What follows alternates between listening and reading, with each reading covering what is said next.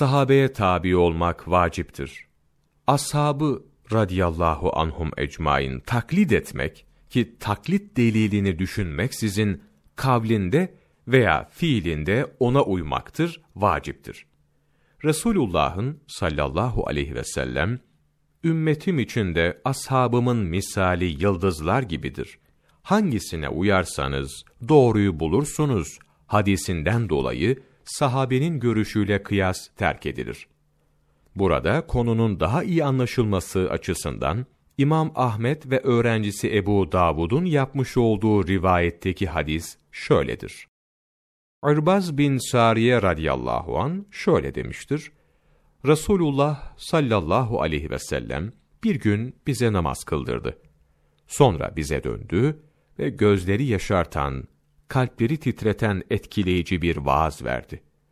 Bir kişi, Ya Resulallah, bu vaaz sanki veda eden bir kimsenin vaazı gibi. Bize ne tavsiye edersiniz diye sordu. Resulullah sallallahu aleyhi ve sellem şöyle buyurdu. Allahu Teala'ya karşı takvalı olmanızı, Habeşi bir köle de olsa devlet başkanını dinlemenizi ve ona itaat etmenizi tavsiye ederim. Zira sizden, benden sonra yaşayacak olanlar, birçok ihtilaf göreceklerdir.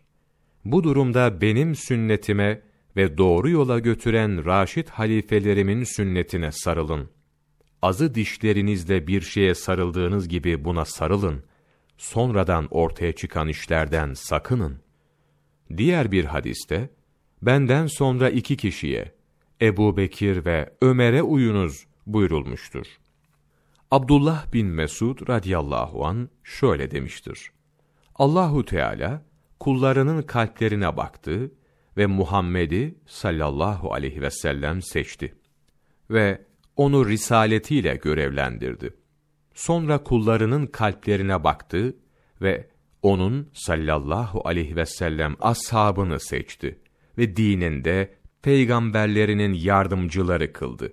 Müslümanların güzel gördüğü şey Allahu Teala katında da güzeldir. Müslümanların çirkin gördüğü şey Allah Celle Celaluhu katında da çirkindir.